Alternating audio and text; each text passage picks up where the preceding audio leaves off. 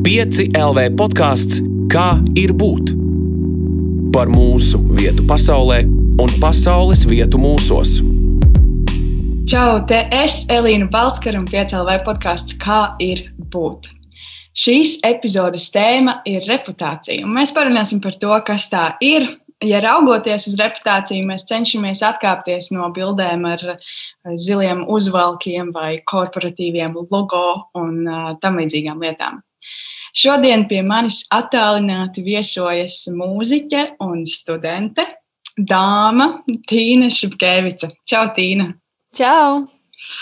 Tīna, pirms mēs ķeramies pie reputācijas stāsta, pastāsti sākumā to stāstu par savu ikdienu, kā, ko tu dari kā tev ir pagājis slavenais pandēmijas gads un um, jā, gads, kas joprojām turpinās?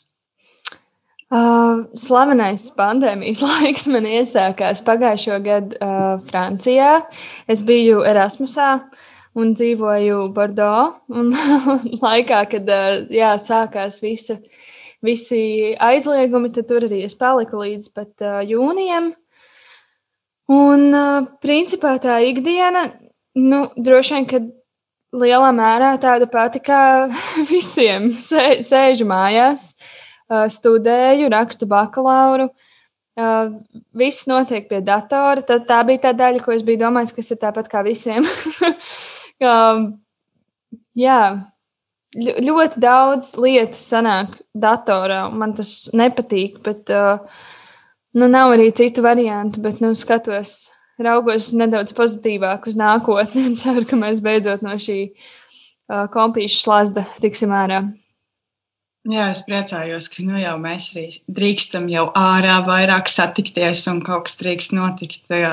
Siltums palīdz, saulīte palīdz, un es arī gaidu, kad mēs tiksim no šīs slazda ārā. Par reputāciju un par visu pārējo. Pirmais jautājums man te ir tāds. Um, varbūt nedaudz kutelīgs, ja to tā varētu teikt. Uh, es gribu zināt, um, kā ir būt no tādas dzimtes, kuras uzvārds uh, bišķiņo soļo pa priekšu tev pašai. Uh, visi zina, lielākā daļa zina, ko tas nozīmē, un ir uzreiz kaut kādas konkrētas asociācijas. Nu, pirmkārt, laikam man ar manu uzvārdu vairāk uh, saistās tas, ka 90% gadījumu cilvēki viņu raksta nepareizi vai izrunā nepareizi. Vienmēr es atceros, ka uh, mēs tieši īstenībā nesen par to runājām ar tēti un brāli. Par to, ka man gandrīz visi kaut kādi skolas diplomi ir katrs ar savu uzvārdu. Tur vienā ir Šipkeviča, vienā ir Šipkevica, tur un tā. Nu, viņš visā tur varijē vienmēr. Kaut kā cilvēkiem laikam labāk skan tas čū, nevis čū beigās. Bet uh, nu, no tāda reputācijas, no tādas reputācijas perspektīvas, nu, savā ziņā es jau arī nezinu drusku, kā ir citādāk. Jo es esmu, nu, man tas tā vienmēr kaut kā ir bijis tas uzvārds. Um, un vēl es gribu arī pateikt to, ka Latvija jau arī īsti nav Holivuda. Līdz ar to tas nav, nu, nav arī tā, ka es esmu uh, Uh, nezinu, Kims Kardashians bērns, kurš, kurš tiešām tur visu mūžu pavadījis ar apsargiem vai kaut kādām tādām lietām. Bet, nu, sava veida kaut kāds, kaut kāds uh, nezinu, kaut kāda piekabe varbūt uh, velks līdzi, bet uh, paldies Dievam, manā gadījumā es uzskatu, ka diezgan pozitīvi viss ir. Un, uh, man nav bijusi tāda sajūta, ka man kaut kur tas būtu. Uh, nezinu, nepatīkami. Un, nu, godīgi sakot, nav arī tā, ka es dzīvoju savu ikdienu, domājot par to, ka, uh, ka es tagad kādam pateikšu savu uzvārdu, un visi tagad uzreiz tur sapratīs kaut ko. Man jau liekas, ka Latvija vispār ir, ir tik maza, ka, ka nu, teju visi kaut kā viens otru tur caur kaut kādiem. Uh, Uh, draugu, ra, draugu draugiem jau kaut kur ir uh, padzirdējuši. Ko tev vispār nozīmē reputācija? Tas vārds kā tāds. Es baidījos no šī jautājuma. es, es Bet viņš tik sagaidāms. es kaut kā tieši iedomājos uh, par to, ka visticamāk man būs šis jautājums, varbūt man vajadzētu padomāt atbildi. Bet uh, es domāju, ka es nedomāšu, lai man ir uh, dabīgāka kaut kāda reakcija. Bet, uh, jā, nu, reputācija droši vien ir kaut kāds, uh, kaut kāds lietu kopums, kas cilvēkiem automātiski saistās vai asociējas ar, ar kaut, kādu, kaut kādu lietu, kurai šī reputācija piemīt. Um, iespējams, varbūt tā ir pat tāda drusku pārvērtēta lieta manā skatījumā. Uh, man gan gribas teikt, ka varbūt manā kaut kādā sociālajā burbulī tas ir mazāk, bet, uh, bet uh, tajās aprindās, kur mīļākais žurnāls ir dzeltenā prese un uh, nekas nav labāks par, par kaut kādām baumu vācelītēm, tad uh, varbūt kaut kur tur tā reputācija varētu pat kaut ko nepazīstamiem cilvēkiem pilnīgi tā izmainīt par kādu. Man gan gribētos teikt, ka, ka nezinu, gribētos aicināt uz kaut kādu tādu domu par, par tās reputācijas varbūt ignorēšanu savā veidā, ka uh, jā, svarīgāk varbūt ir reizēm nedomāt par to īpaši varbūt nezinu, iepazīstot kaut kādus jaunus cilvēkus, vai, vai nezinu, pieņemot darbā, varbūt kaut kādus cilvēkus. Kā tev liekas, kāda ir starpība starp reputāciju un tēlu? Jo tās ir, ir tādi divi vārdi, kas iet kā roku rokā, mm. bet tomēr divi dažādi. Nu, man liekas, ka tēls ir kaut kas, ko tu pa lielam veido pats. Un reputācija ir kaut kas, ko tev var uzbūvēt arī, arī kaut kādi ārēji faktori. Kad tu, piemēram, Uh, ne, nu, protams, ka lielā mērā tas ir saistīts arī ar kaut kādām uh, tevis pašu rīcībām, bet uh, jā, ka to. Jā, nu, ka tā, ka tā reputācija varbūt var, var pat pievilkt klāt. Nezinu, ja tu esi, piemēram, tur uh, uzstājies kaut kur, kur tev, kur sabiedrībai nepatīk, ka tu esi bijis uzstājies. Es tagad runāju par prātu vētru. Tad, uh, tad tev nu, tu, tā ir tava darbība, bet tajā pašā laikā tu jau vienkārši darīji savu mūziķa darbiņu un uzstājies kaut kur. Bet acīm redzot, nu, man liekas, ka tas to tēlu nemaina, bet tas tā kā to reputāciju kaut kā varbūt pabīda vienā vai otrā virzienā. Es nezinu, vai es atbildēju. Es aizdomājos pati. Jā, es domāju, ka tur ir kaut, kāds, kaut kāda tā sadaļa, kur cilvēki sagaida no mums konkrētas rīcības, vai ne? Un, un tad, ja mēs kaut kā citādi rīkojamies, respektīvi, prāta vētra aizbrauc uzstāties tur, kur mēs negaidām, ka viņi aizbraukt uzstāties, tā kaut kā tā reputācija mainās. Jā. Jā. Jā, un tas tēls droši vien ir varbūt pat vieglāk ietekmējams nekā reputācija, jo reputācija ir tāda tā kā atbildības uzņemšanās. Bet tas tēls ir tāds, kas varētu, uh, nezinu, to paskaidrot, kā kaut kādu savu rīcību paskaidrot ar to, kā nu, tas ir mans tēls. Bet, bet es nevaru kā, izdarīt kaut kādu, uh, nezinu, veikt kaut kādu rituālu kaut kādā pagalmā un pateikt, ka tā, tas ir mans reputācijas dēļ. Bet es varētu pateikt, ka tas man tēla dēļ, ja es būtu kaut kāds, kaut kāds uh, spirituāls um, jā, tēls. jā, varbūt beigu beigās reputācija mazāk ir atkarīga nu, no mums pašiem, ja mēs salīdzinām. Mm. Vai ne tēlu mēs tad apzināti ietekmējam? Jā. Un reputācija ir. Un te ir arī jautājums, vai reputācija var būt viengabalaina. Jo varbūt tas, ka tas ir tik ļoti atkarīgs no citiem cilvēkiem, nu kāds, kādam liekas, ka kaut kam vienam ir laba reputācija. Nesen mums bija ziņās, ja, ka AstraZeneca vakcīnai ir slikta reputācija. Tika izmantot šis vārds, ka ir sagrauta reputācija.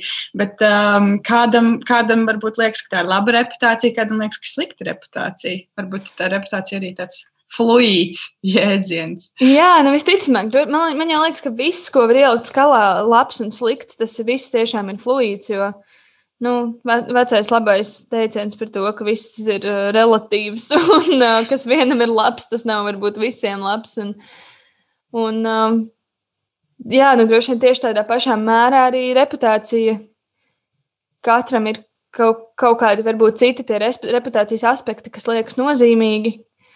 Um, nezinu, varbūt tas ir īpaši pamanāms kaut kādās, kaut kādās politiskās uh, norisēs vairāk. Uh, ka uh, citam ir svarīgi, lai tur tā persona ir, nezinu, tur krimināli tīra, un citam ir svarīgi, lai, lai nezinu, viņam ir forša ģimene, un citam ir svarīgi kaut kas cits. Tad, nu, droši vien arī tā reputācija arī savā veidā ir tāda uh, ne, neviengabalaina, kā tu teici, izmanto šo vārdu. Kā tev liekas, kāpēc cilvēkiem vispār ir svarīgi, ko par tiem domā citi? Nu, tāpēc, ka cilvēks jau ir daļa no tāda sociālā tīkla. Un, nu, tas viss tiešāk laikam izpaužas un, un ir saprotams tieši šajā pandēmijas laikā, kad reizēm uh, esmu runājusi ar kaut kādiem cilvēkiem, kuri uh, iepriekš vienmēr bija sludinājuši, ka viņi ir introverti un viņiem daudz labāk patīk sēdēt mājās nekā, nekā iet uz, nezinu, Tallinas pagalmu. un, un tā, un, un tad tagad bi daudz biežāk dzirdu to, ka, ka visiem pietrūkst socializēšanās, iziešana kaut kur ārā ar draugiem vai vienalga, kur kaut kāda pas, pasākuma apmeklēšana. Un droši vien tā, nu, jā, tā reputācija ir vienkārši kaut kāds viens no tiem sociālajiem aspektiem, kas veido tos mūsu tīklus. Jo, nu, lai vai cik ļoti tur negribētos vienmēr domāt par to, ka nezinu, tur pirmais iespējas ir svarīgs vai ka tur izskats ir svarīgs, bet tā padomā, nu, ir taču kaut kāds iemesls, kāpēc cilvēki viens otram izdomā, tur nezinu, pieiet klāt un sākt runāt vai, vai uh, ka tu nezini, esi kaut, kaut vai uh, mūsdienu kaut kāds interneta iepazīšanās uh, portālu. Um, viss tas saturs jau arī ir balstīts to, ka ja tev, ne, nezinu, nepievilks tas, ko tu redzi tajā ekrānā, tad visticamāk, tu nemaz negribēsi veidot nekādas tālākas tās sociālas saiknes. Līdz ar to, jā, jā tā reputācija vienkārši sanāk kā tāds sociāla procesa klātesošs uh, aspekts. Kā tev liekas, kur ir uh, meklējums sākums tam, kādu iespaidu mēs atstājam uz citiem cilvēkiem? Mūsos pašos vai tajos cilvēkos?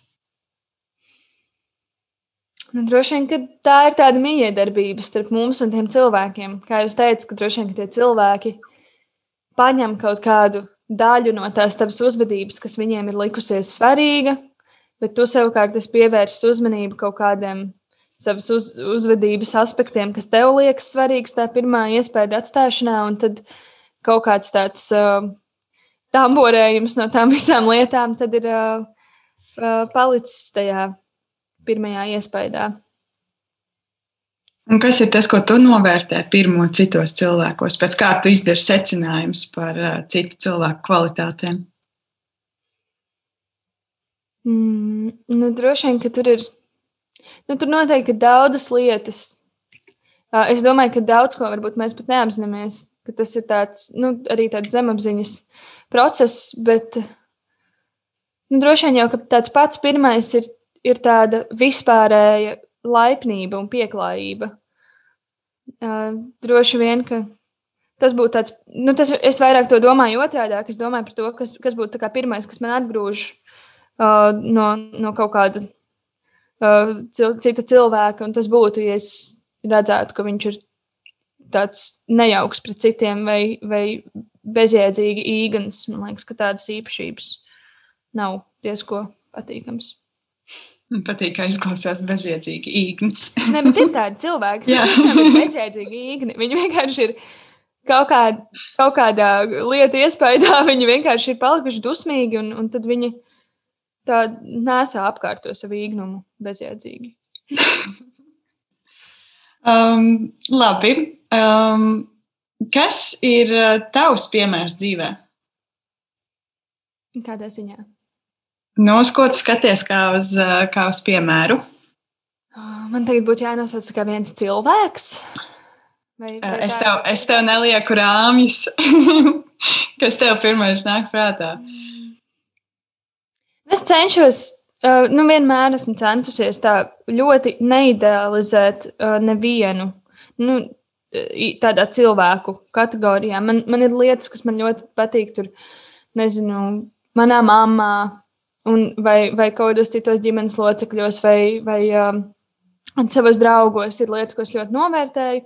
Bet man neliekas pareizi dzīvot pēc tāda viena ideālā piemēra, uz kuru tiekties, jo man liekas, ka tajā brīdī pazūd tas, tas uh, kaut kāds individuālais aspekts tajā visā.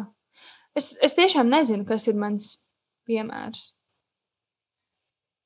Uh,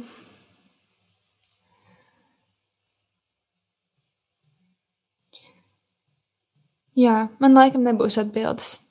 Tā arī bija atbilde. es domāju, tu pieminēji to individualitāti. Un, un tad ir reputācija, es, man nav šobrīd vēl konkrēts jautājums, bet es domāju, kā šīs lietas ceļo roku rokā un kāda tur ir saistība. Un varbūt jā, tas laikam atgriežas pie tā, ko mēs minējām, cik ļoti reputācija nav pat no mums atkarīga. Tev būs grūti sarunas starp reputāciju un tēlu. Visu laiku ir jāizšķir savā galvā, vai ne? Jā, es vispār jau sāku lēnām justies kā kaut kādos uh, semināros, universitātē. Kad kaut kas tiek, tiek apskatīts no visām pusēm, tad lēnām tā galviņa sāk pildīties. um, Nevis ļoti labi, ļoti patīkami. Jā, un, un uh, labi, reputācija joprojām, un, un mēs par to tiešām daudz runāsim. Bet, um, ja mēs novēršamies no šī individuālā tēla, ko es tikko pieminēju, un ka mēs veidojam savu tēlu apzināti, ja es izdomāju, kāds es gribu būt, vai arī es saprotu, kāds es esmu, un tad rīkojos attiecīgi uh, vadoties pēc šīs idejas, vai es varu būvēt reputāciju? Nu, kā jau es teicu, savā ziņā, jā, jo tu jau pats esi atbildīgs par tām savām rīcībām. Un es gribētu tomēr lielā mērā ticēt, ka tā reputācija ir balstīta uz kaut kādām cilvēka paša rīcībām, vairāk kā uz, uz tādām baumām. Nu, it īpaši, nu, labi, protams, es saku, ir ļoti grūti domāt, piemēram, ko par šo atbildētu kāds ļoti slavens cilvēks. Es domāju, pasaules, nezinu, kāds Billy Eilish, piemēram, kā viņa, ko viņa teikt par šo. Um, bet tā, nu, tik, tik daudz, cik tādā ikdienas līmenī mēs to saprotam, tad man jau liekas, ka tas tiešām savā veidā tu vari to ietekmēt, jo tu vari mēģināt paredzēt savu rīcību sekas un nedarīt tās lietas, kas izraisīs šādas sekas. Man gan liekas, ka svarīgāk ir. Um, man gan liekas, ka svarīgāk ir darīt to, kas vienkārši tev uh, kaut kā instinktīvi šķiet pareizāks, jo man kaut kā gribas ticēt, ka nezinu, cilvēki, kas, es negribu teikt, es negribu teikt nelabvēļi, bet cilvēki, kas varbūt gribētu, lai tava reputācija ir sliktāka, ka tādi būtu, būs vienmēr. Un lai vai kā tu censtos varbūt izvairīties un, un darīt, darīt visu, uh, nezinu, pēc etiķetes grāmatas, uh, vienmēr atradīsies, uh, atradīsies kaut kāds, kaut kāds uh, sliktums tajā visā. Bet, jā, līdz ar to man liekas, ka svarīgi ir nepazaudēt to sevi. Ui, pies, piesiet mikrofonam. ne, nepazaudēt to sevi un darīt, to, darīt tādas lietas, kas vienkārši tevi simbolizē. Un, ja, te, un, ja te tavai simbolikai nāk līdzi kaut kāda slikta reputācija, tad man liekas, ka uz to vienkārši jāskatās, ka, ka tad vienkārši tie cilvēki, kuriem tās lietas ir svarīgas, kad viņiem vienkārši nebija lemts tev patikt. Bet interesanti, tu pieminēji to zelta kaut kādu grāmatu, jo etiķetes grāmatu, ja ir tās, ir tās lielā zelta uzvedības grāmata, man liekas, varbūt kāds vēl atcerās kaut kādās vecāku grāmatu plauktos. Un iedomājieties, tā grāmata īstenībā arī ir sarakstīta kaut kādam konkrētam kontekstam. Tas ir mums šeit, liekas, ka tā ir zelta uzvedība. Kāds skatīsies, es nezinu, piemēram, no austrumiem uz mūsu zelta uzvedību, viņiem liksies briesmīgi, ko tie cilvēki dara. Tas ir absolūti no konteksta atkarīgs. Jā, nu tas principā ir tas, ko es studēju. Es studēju antropoloģiju. Un tas palielam ir jā, paskatīties uz lietām no, no visādiem kontekstiem un nedomāt, ka tā dzīve, ko mēs uzskatām par normālu, ka to visi uzskata par normālu. Jo man varētu arī būt, es varētu būt, piemēram, kaut kāds rūtīts noziedznieks, un man, manā noziedznieku vidē būtu lieliska reputācija. Ne? Es taču esmu dulākais no dulākajiem. Bet savukārt kaut kādā citā sabiedrības grupā, piemēram, tiesnešu vidē, droši vien mana kaut kāda reputācija būtu pilnīgi, pilnīgi citāda. Mm. Tad, ir, tad, tad tas ir tas brīdis, kurā tu vari sākt domāt, kas tad ir tas, ar ko, ar ko tu gribi identificēties. Vai tu gribi saglabāt to savu labo reputāciju uh, savu noziedznieku starpā, vai arī tu gribi uzlabot uh, pārējo cilvēku domas, kas uzreiz nositīs uz leju noziedznieku grupas domas. Man gan negribētos domāt, ka es būtu noziedznieks. Man arī negribētos domāt, ka es būtu noziedznieks, bet tas man liekas labi parāda to, nu, ka reputācijai arī ir kaut kāda nu, mērķa grupa. Mēs nevaram, mums droši vien nevar būt laba reputācija visas sabiedrības acīs. Tas ir normāli. Ja kādam šķiet, ka kaut kas nav, nu, ka mums ir slikta reputācija. Es domāju ne tikai par cilvēkiem, bet arī par uzņēmumiem vai par kaut kādām iestādēm. Nu, vai tiešām nu, nevar jau visiem šķist, ka nu, ir mums kāda, ir, tu vari pateikt kādu piemēru, kam ir nevainojama reputācija? Ir tāds termins, tā cilvēki izmanto nevainojama reputācija. Hmm. Es gribētu teikt, ka, lai vai ko es tagad nosauktu, tas visticamāk, es to nosaucu tāpēc, ka es būtu pārāk maz iedziļinājusies tajā. Jo, jā, es nezinu, man, man liekas, ka es vienkārši māļu cauri vis, visas, savas zināšanas un domāju, kam ir nevainojama reputācija, bet nekam jau nav. Tas, tas man, man liekas, tas tāpat kā nu, ja mēs varbūt nedomājam par reputāciju gluži tādā uh, ļoti personīgā līmenī, bet, bet vienkārši par tādu uh, vispārēju reputāciju, tad it kā liekas, ka, piemēram, nu, kucēni, nu, točni patīk visiem. Viņi ir mazi, mīļi, pūkaini, nu, kas, nu, kas tur var tiešām nepatikt. Bet noteikti ir kādi cilvēki, kam vienkārši, nezinu, kucēni neizvēlas pilnīgi kādas emocijas, un ne jau tāpēc, ka viņi uh, ir izdarījuši kaut ko sliktu.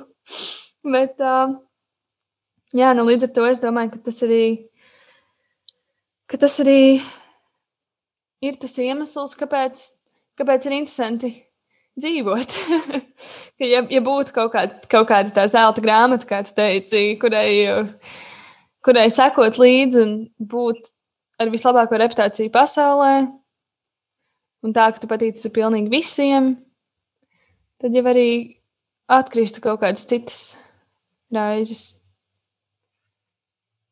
Mm, gan, gan droši vien kaut kādas pozitīvas, gan negatīvas. Jā. Jā.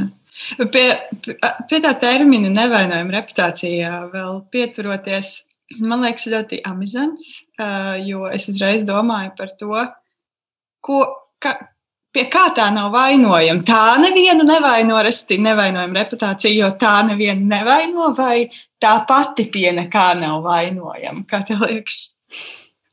Nezinu, nē, man liekas, ka nevainojama vairāk ir domāt, domāts kā simtprocentīgi uh, tīra. vai vienkārši tāds drusku literārāks uh, apzīmējums. Man vispār, tu teici, ka tas nāk no kaut kāda raksta, ja? Ah, nē, es neteicu, ka tas, ah, no tas bija par AstraZeneca, ka tas nāca no kaut kādiem mēģinājumiem. No, es, es gribēju uzteikt uh, to, ka man ļoti patīk reizēm, cik uh, radoši uh, žurnālisti pieiet dažādu lietu paziņošanai. Uh, virsrakstos, ka, piemēram, vienmēr veci cilvēki tiek saukti par sīrim galvjiem vai policisti par likumsargiem. Tad nesen Delfos bija raksts, ka uh, Sanktpēterburgā kādā ēkā plosās sarkanais gailis ja, par ugunsgrēku. Tā kā Mēs tam literāri. ļoti, ļoti forši. Man ļoti patīk lasīt. Es, man pat ir datorā mapīte, kuras screenšotoju uh, tādus virsrakstus, kas man paliek sirdī. Lieliski. Mm. Kā tev liekas, ja cilvēkam ir slikta reputācija, tas taču, nu, vai tas nozīmē, ka tas cilvēks ir slikts? Mm. Nu, redz, slikta reputācija, um, kurā kurā sociālajā kaut kādā burbulī. Nē, es nedomāju, ka tas nozīmē, ka tas cilvēks ir slikts. Es domāju, ka tas ir drīzāk, drīzāk tāds, jo skaidrs, ka tā slikta, sliktā reputācija visticamāk, nu, ja vien tas tiešām nav sērija vai slepkava, tad tā sliktā reputācija visticamāk ir par kaut kādu sfēru. Nu, teiksim, ka viņš tur ir izgāzies savā profesionālajā darbā. Un, Un tad tā sliktā reputācija nāk par darbu, bet neviens nezina, cik fantastisks tēvs vai māte viņš, piemēram, ir saviem bērniem. Vai tieši otrādi, tur uh, viņš ir, nezinu, pieķerts kaut kādā vardarbībā savā ģimenē, bet viņš tur lieliski pilda savas, um, nezinu, uh, darba pozīcijas. Tā kā, nu, droši vien jau, ka nu, tad mēs atgriežamies pie jautājuma, kas ir labs un kas ir slikts cilvēks. Arī ka droši vien jau, ka neviens cilvēks nav simtprocentīgi slikts. Tā kā tu teici to piemēru par tiem noziedzniekiem, mēs uh, ar draugu ik pa laikam paskatāmies Netflixā tās dokumentālās uh, sērijas par, par uh, visādiem uh, slepkavām. Un, un tā, un tur, kur viņi ir intervēti, viņiem nu, arī tiešām neliekas, ka viņi ir slikti. Nu, tā kā tu teici, uh, ka viņi, viņiem ir kaut kāds savs, savs kaut kāds klikšķis galvā, kas viņiem mums amorālas lietas padara par uh, pilnīgi normālām, kas, kas ir tur visas tās galināšanas un tādas, tādas lietas. Tā kā, jā, nu, labs un slikts cilvēks tas arī ir ļoti disk diskutabls termins.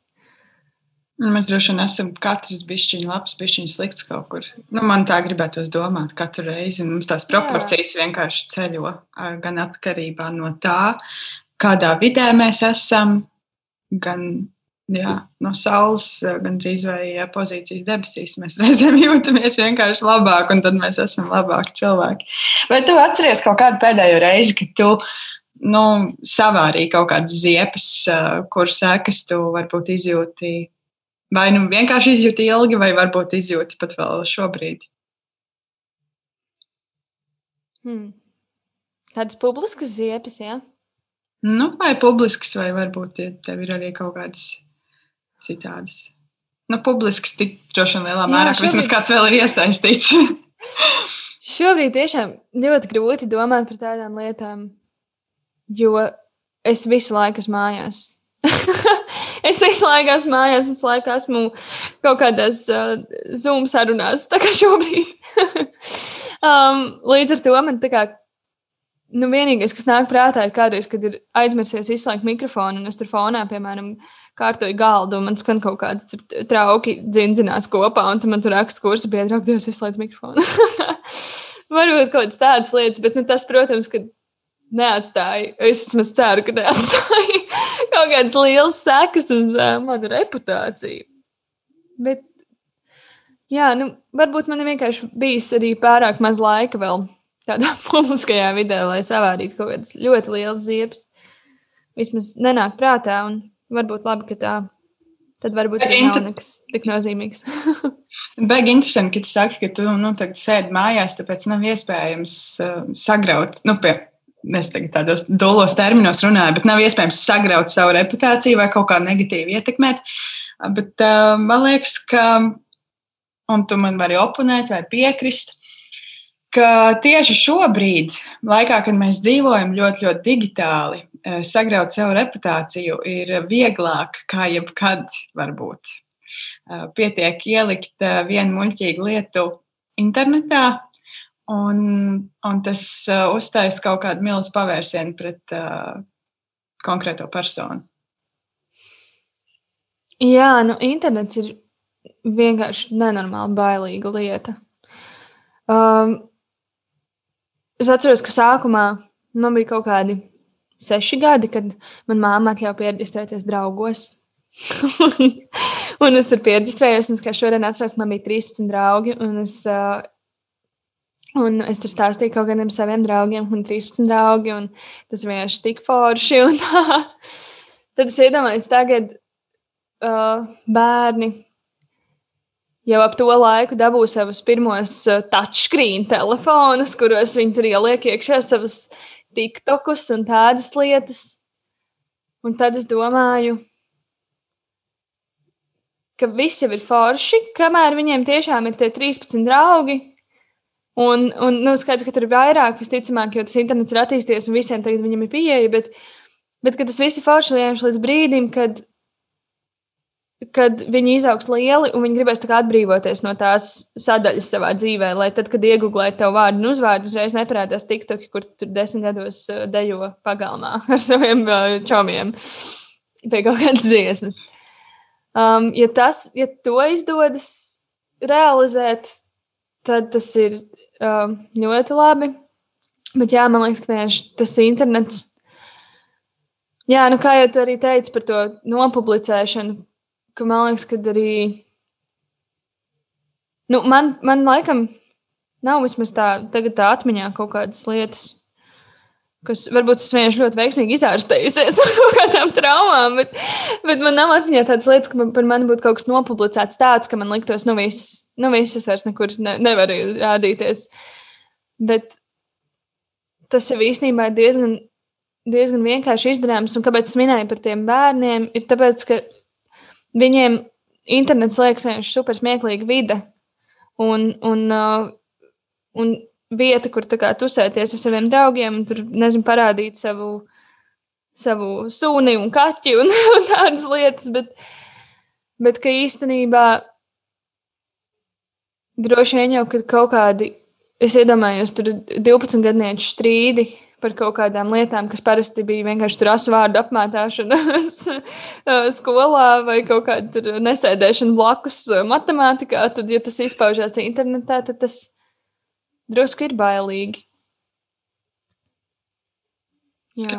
Kāda ir, ja es nezinu, vai tas ir vispār normāls jautājums, bet kāda ir tava interneta lietošanas paradumi? Es tieši domāju vairāk par sociālajiem tīkliem, par savas personības, kaut kādu veidošanu arī šajā digitālajā vidē.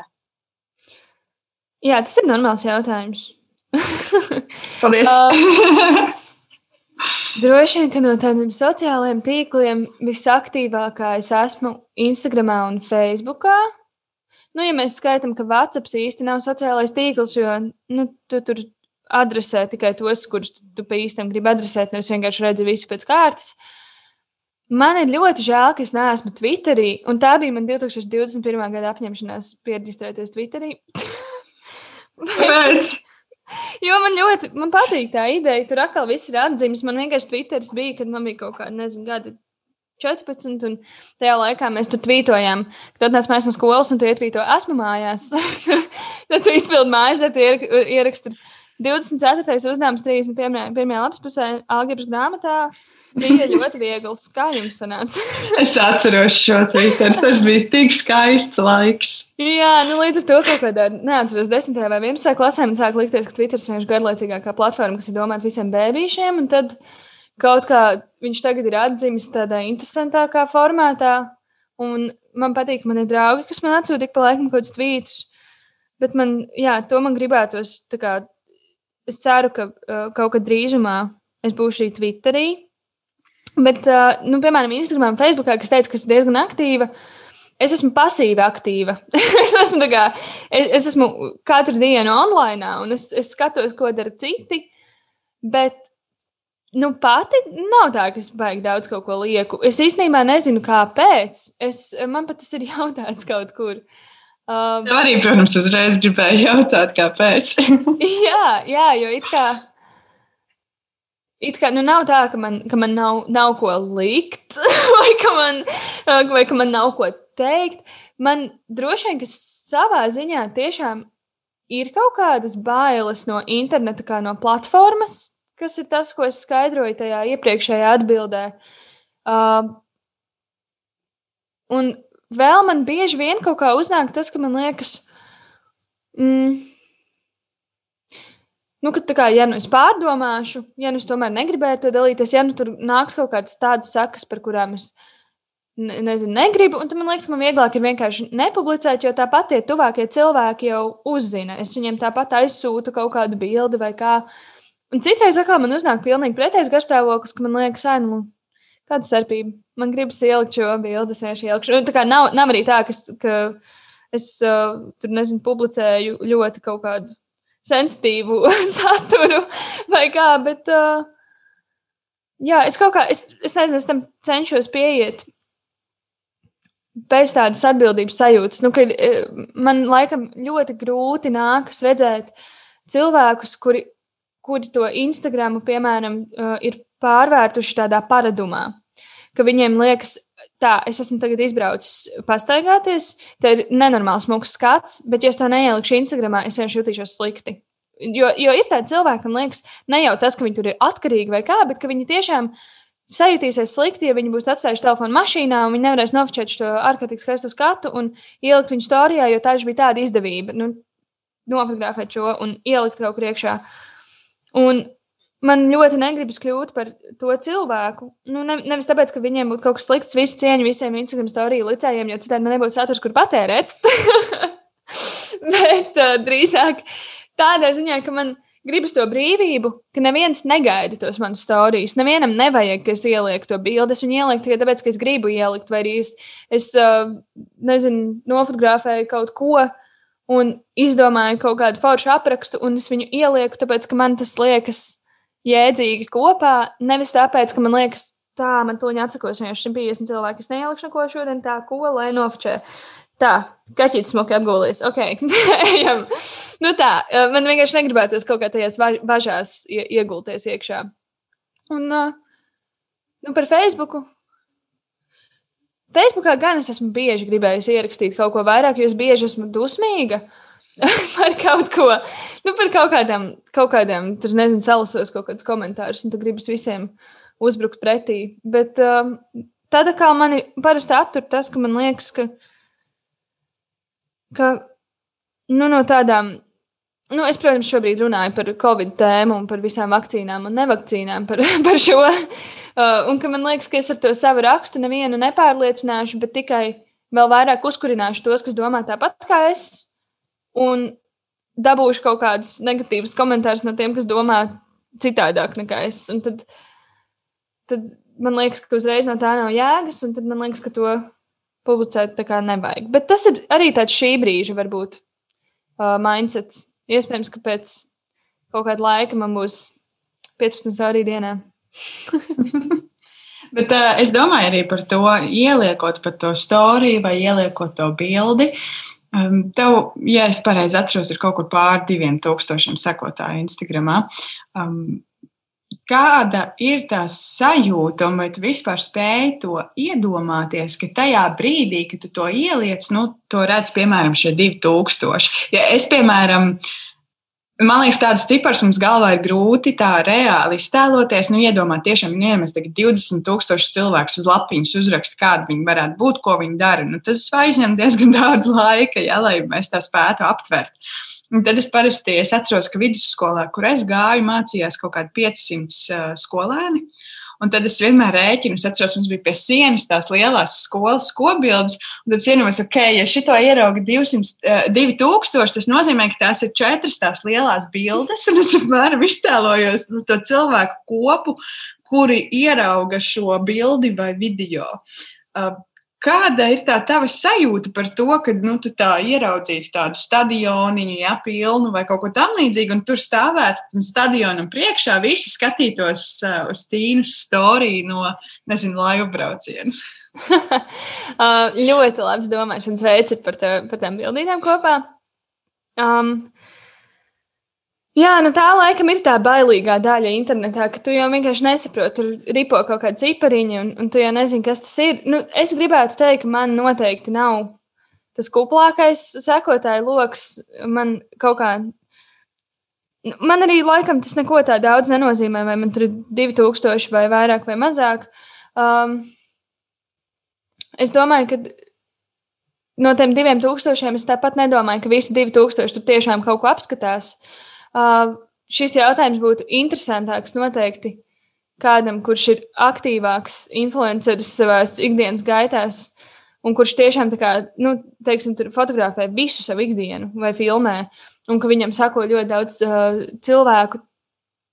tā, tas, ir, tas ir labs jautājums, ko ja tev, ja tev sanāk kāda nointervēt šajā podkāstā, tāda, tad man uh, uzraksti, es varu noklausīties tev ietieši.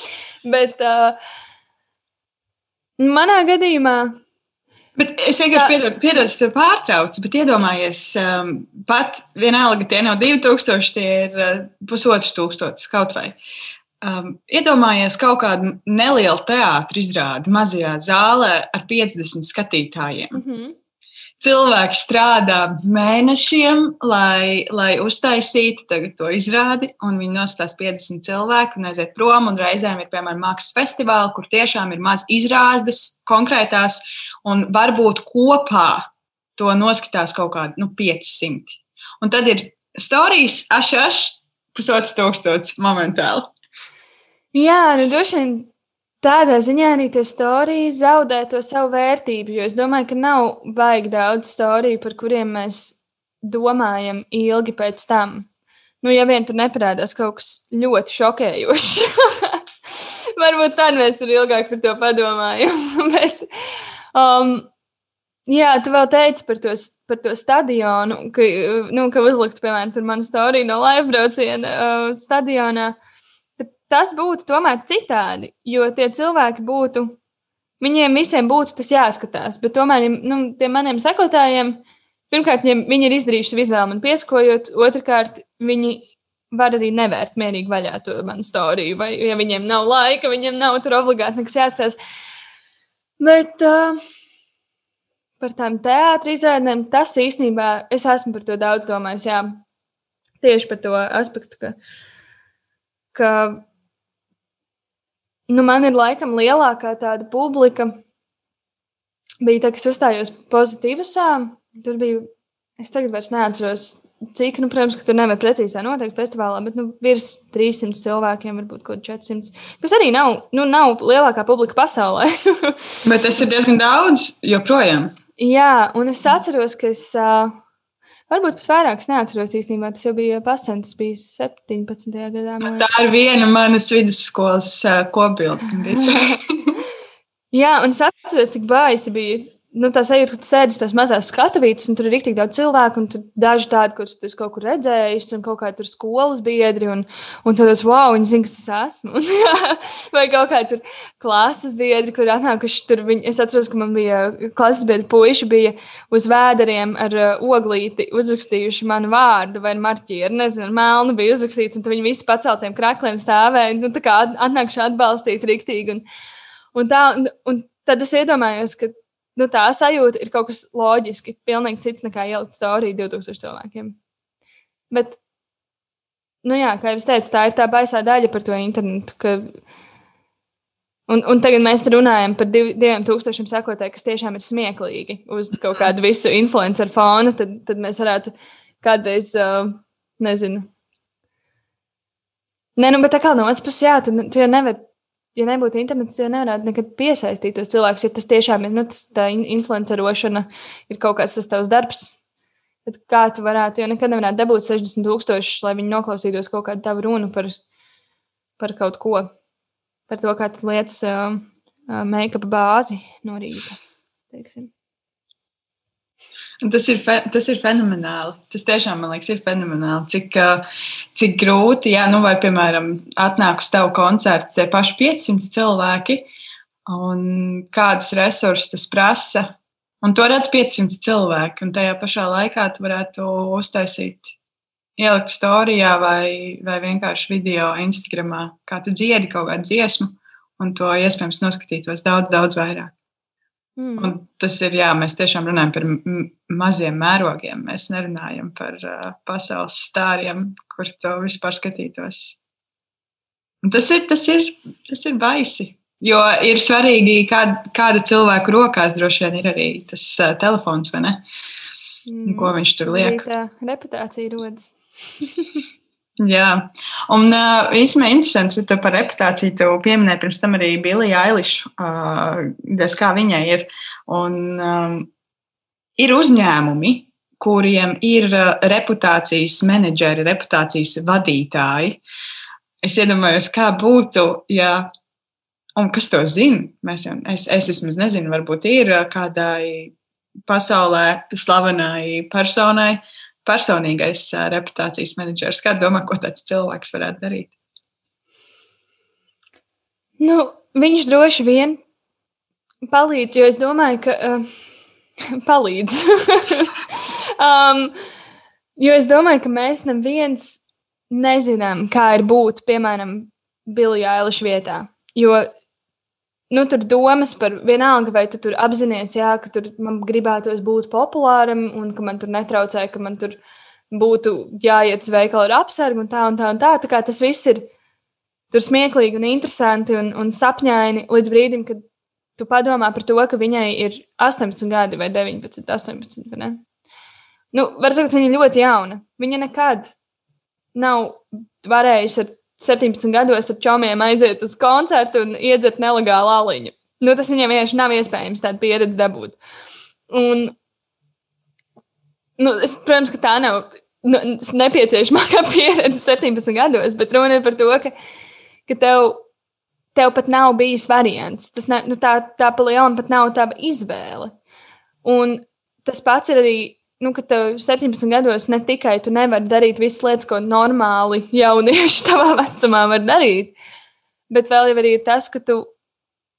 Tev ir Instagram, tu gribi Instagramā likt kaut kādas lietas, tāpat kā visi tev tur apkārtējie čaumi, bet tu to nu, baigi nevar darīt. Un tad droši vien tas reputācijas menedžeris varētu būt tas cilvēks, kurš, kurš veido to saikni starp to cilvēku un izpratni par to, cik tev tiešām milzīgs pulks seko. Un, un droši vien, ka tādā es, es kā izcilu šīs profesijas pārstāvis, redzu vēl cilvēku, kurš arī uh, cenšas paskaidrot, ka tas nav pasaules gals un ka tā ir daļa no tās profesijas, uh, nevis tikai, nevis tikai kaut kāds. Uh, Tā, tā nav tā darba garoziņa, bet ka varbūt iemācīt arī kaut kā to izmantot savā labā. Nezinu, tā, ja mēs atgriežamies arī pie Billy Eilish, ka viņi tur izmantoja to, uh, savu platformu kā politisko, uh, politisko platformu, kurā viņi tur reklamēja balsot par Joe Bidenu. Nu, tā. Jā, tas ir arī interesants liekas, aspekts. Un viņa ar to savu re reputāciju kaut kādā konkrētā, konkrētā un ļoti lielā cilvēku grupā. Ir viedokļu līderis, un neviena droši vien apzināti radīta kampaņa nespēja aizsniegt tik daudz, cik viņa ar vienkārši vienu īsu aicinājumu. Reputācija, kā jau arī mēs runājām, ir kaut kas tāds, kas nenoliedzami ir svarīgs arī dažādiem zīmoliem. Un vai tu vari nenosaucot vārdā kādu zīmolu, pamēģināt aprakstīt, raksturot tā reputāciju, tā lai mēs, es un klausītāji, saprastu, par kuru zīmolu tu runā? Hmm. Nu, tā izdomā vienu kaut kā, kas tev nāk prātā. Man ienāca prātā viens ļoti labs. um, man, man tagad ir jā, jāspēlē šīs spēles. Pamēģini, jā, pamēģini uzspēlēt. Uh, šis zīmols ir apģērba veikals, kurš uh, tika apsūdzēts par to, ka viņu apģērbi ir uh, tiek pasūtīti AliExpressā un tirgoti. Uh, šī uh, zīmola īpašniece arī ir skandaloza dāma. Uh,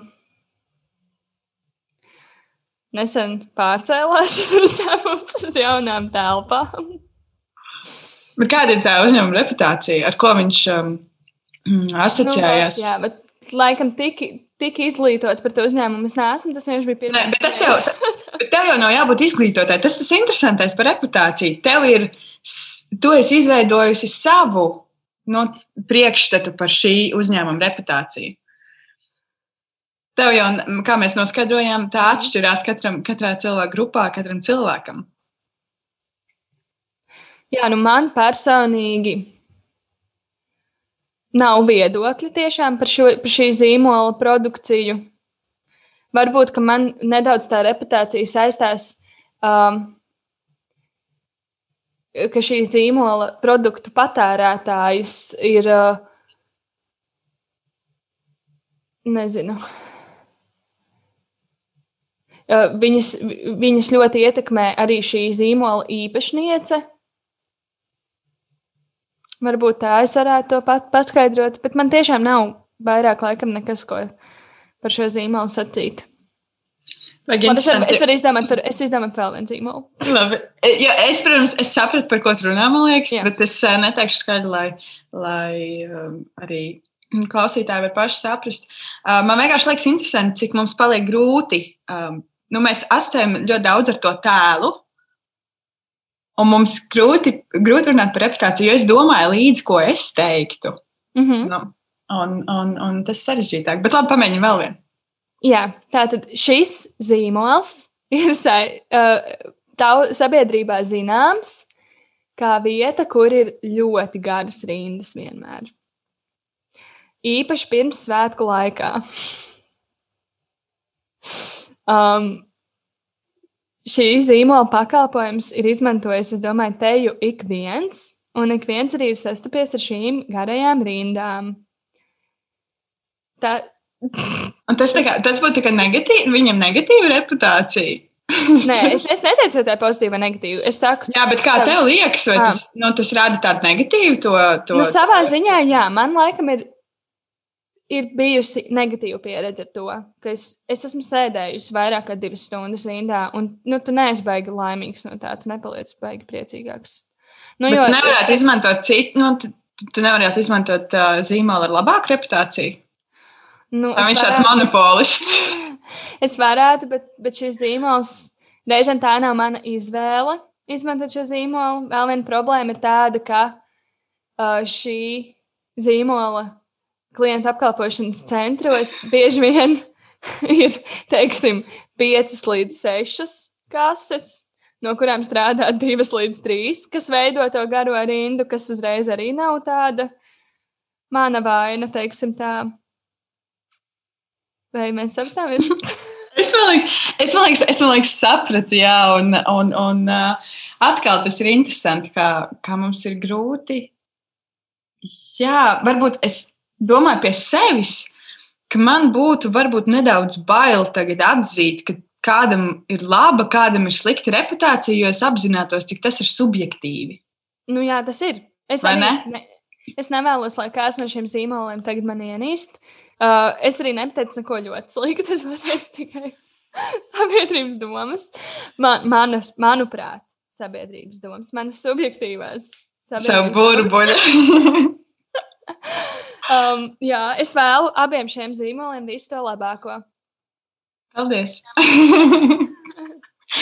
ok, bet, uh, bet lēnām jau soļojot uz otru pusi, mēs visi kaut ko esam parunājuši par to reputāciju. Un es domāju par to, cik ļoti tas, ko mēs šodien domājam par reputāciju, tas, ko mēs esam runājuši arī šeit, visā citādi, vai mēs neesam sākuši to lipināt pārāk daudz klāt kaut kādai nu, tādai um, um, korporatīvām vērtībām, uh, visai patērētāju sabiedrībai un visam pārējam.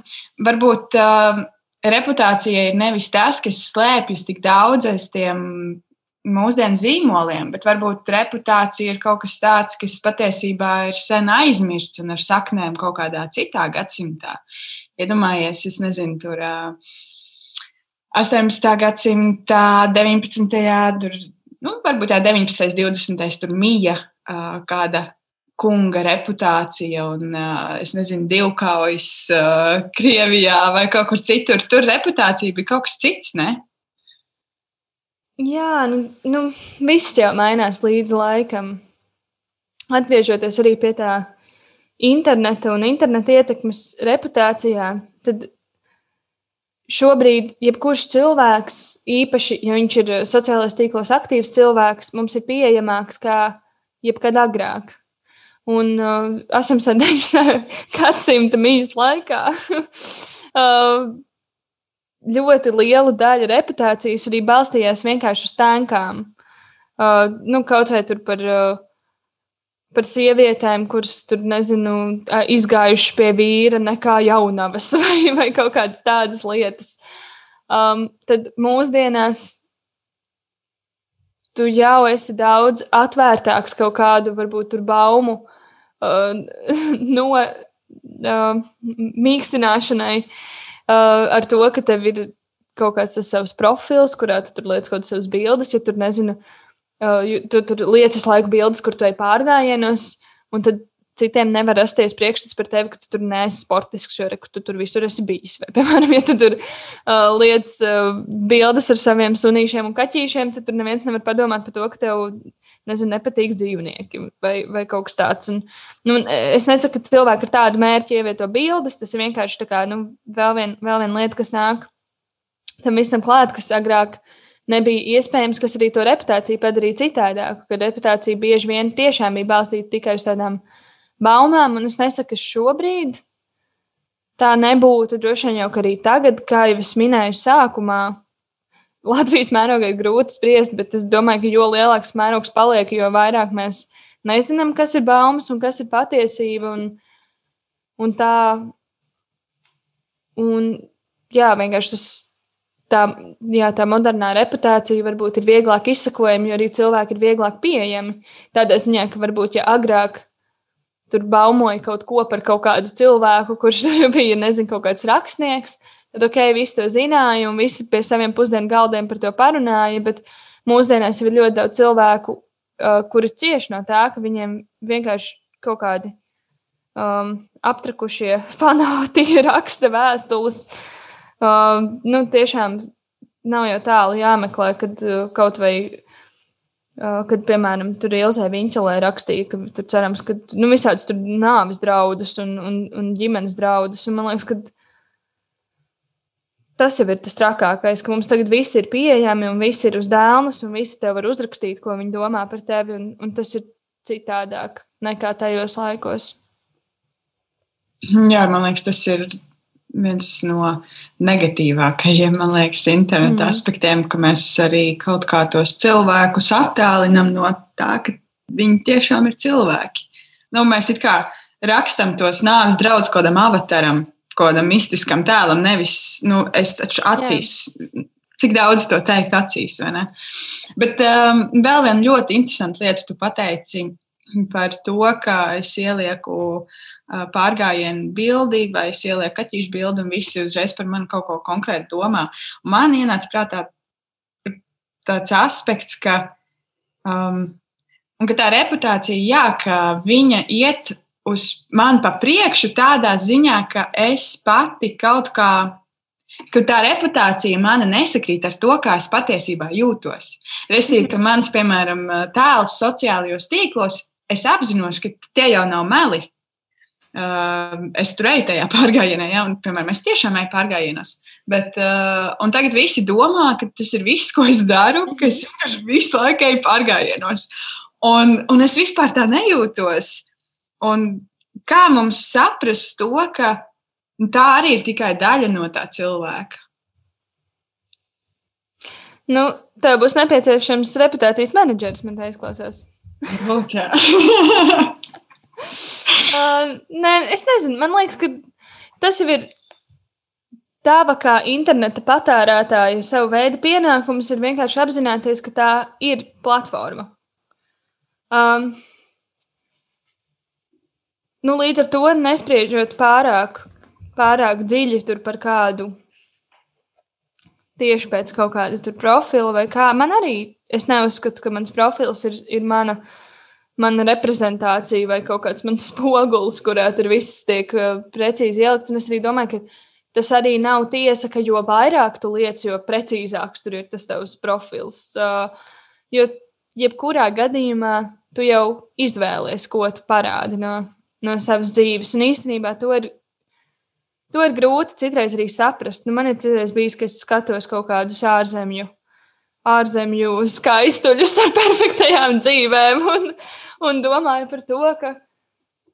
Jā, nu, ja man būtu tur šitā un tā, un ja, un ja ārā man katru dienu spīdētu saulīt, tā kā Kalifornijā, tad jau es arī varētu šitā tur priecāties katru dienu.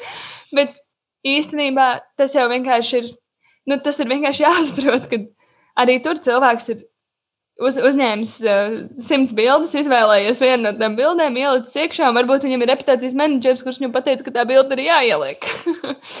Vispār. Tā kā, Jā, man liekas, tas ir tas aspekts, cik daudz ir man kā, um, man kā satura veidotājiem, tas ir liekas, viens aspekts, bet cik daudz mēs kā lietotāji spējam saprast, ka tas mm. cilvēks nav viņa Instagram vai viņa Facebook, TikTok vai kas cits, ka tā ir tikai daļiņa no viņa dzīves.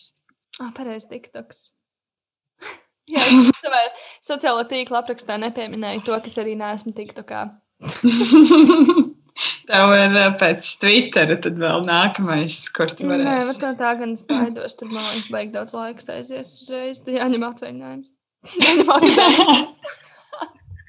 Um, vēl pašās beigās, uh, kā tev liekas, kāda ir pandēmijas reputācija?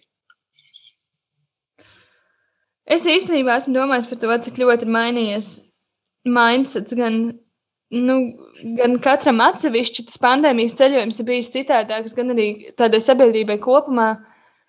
Kad tas sākums bija, nu, man vismaz, sākumā likās, nu, vienkārši nenormāli interesanti.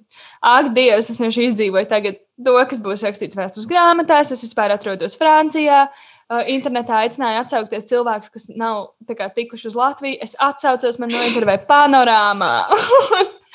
un es tur, jā, wow, un es, es tur stāstīju, ka jā, es tur esmu Francijā, un ka, nu, tā, viss, viss tā kaut kā likās nenormāli interesanti, un, un kas tad tagad būs, un, un cik ilgi mēs te paliksim, un, un tas viss.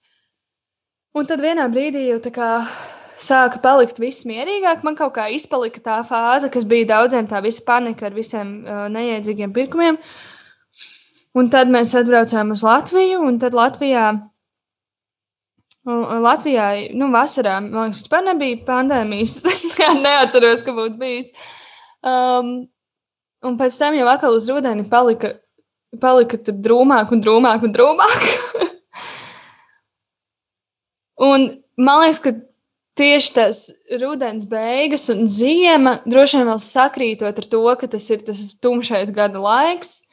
Man liekas, ka tas bija tas zemākais punkts, kad tā pandēmijas reputācija no kaut kā interesanta, ka mēs izdzīvojam cauri un stāstīsim saviem bērniem un mazbērniem, pēc tam palika par kaut ko, kas, kas reāli sāka.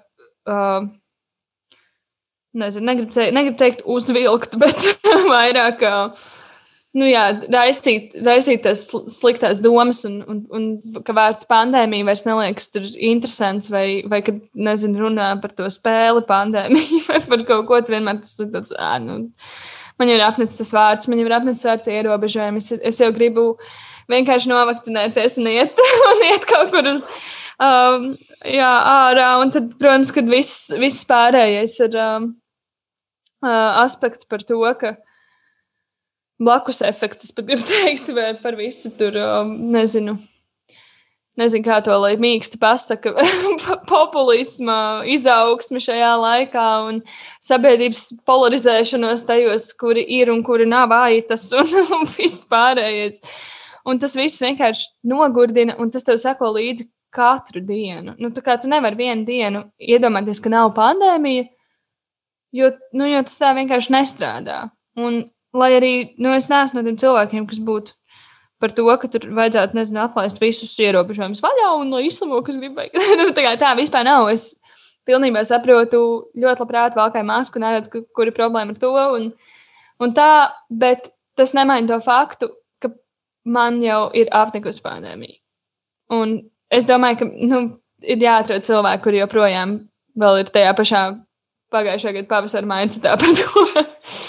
Jo es iedomājos, un man jau vispār nav nekāda sliktākā situācija. Tas cilvēki, kuriem nav darba, un kuriem, piemēram, man ir ļoti daudz draugu, kuri studēja ārzemēs, un kuri turpina maksāt lielu naudu par studēšanu ārzemēs, bet sēž vienkārši Rīgā pie savu kompīšu. Un tas viss ir, nu, visādi tādas lietas, tas, tas viss ir ļoti traki, manuprāt. Un kopumā pandēmija jau, man liekas, vairs nevar nekāda labā reputācija būt ņemot vērā arī to, ka mēs eh, viņai neredzam galu. Neviens jau nezina, kad tas viss beigsies. Diemžēl. Tiešām, diemžēl, lūdzu, vēl vienu jautājumu, lai beidzas labāks nots. Jā, protams, vienmēr mēs beigsim labāks uh, nots, jo es tev prasīšu divus vienā. Es tev prasīšu vienu, ko tu novēli cilvēkiem saprast par pandēmiju, un ko tu novēli cilvēkiem saprast par reputāciju, tā lai mēs visi kopīgi varētu uzlabot to, ko mēs domājam par citiem. Tātad par pandēmiju es novēlu cilvēkiem saprast to, ka we're all in this together. mēs visi esam, un mēs neviens neesam priecīgi, un nevienam tas nav izdevīgi. Un mēs visi gribam, lai ir labāk, un tas jau, tas jau ir tas atslēgas vārds. Ka īstenībā jau visi grib vienkārši, lai viss ātrāk beidzas. Un tas ir tas, ko es novēlu saprast un nestrīdēties ar saviem ģimenes locekļiem, ja jums atšķiras domas par to, kā tikt pie, tā, pie, pie tām beigām. Un par reputāciju Eh, kā man bija, ko es novēlu saprast. Ja? Jā, saprast par reputāciju, lai, lai mums uh, būtu labāk. Nu, es novēlu saprast, ka tas ir mm, savā ziņā tāds iekšējs process, tā reputācija. Un ar to es domāju, ak, tas ir grūti izskaidrot ko es domāju. uh, es vienkārši sākšu vēlreiz. Mm -hmm. es es uh, novēlu saprast par reputāciju. To, ka tas, ka katrs jau apzinās savā veidā tas savas reputācijas šķautnes, un ka mums nav jāpatīk visiem, un visiem nav jāpatīk mums. Un ka tā reputācija jau īstenībā ir pilnīgi normāla sabiedrības uh, sastāvdaļa, kas mums savā veidā ietekmē, kas varbūt arī nav nemaz tik slikti. Mm. Tur noteikti ir gan pozitīvs, gan negatīvs. Kā visur. Kā visur. visur spektriņš. Super, paldies tev liels, Tīna, ka tu piekriti šodien parunāties. Nu, Man liekas, ka mums bija tāda ļoti, šī bija tāda ļoti, es pat nezinu, kā pateikt, mēs tiešām ķidājām to vārdu, man liekas, lielāko sarunas daļu ļoti, ļoti rūpīgi. Paldies tev! Paldies visiem, kur klausījās. Es saku, pagaidām ar tā. Mēs tiksimies jau nākamajā, kā ir būt epizodē, pavisam drīz. Bet tagad, jā, baudām pavasari. Jā. Paldies, tev liels arī. Jā. Atā visiem! Čau!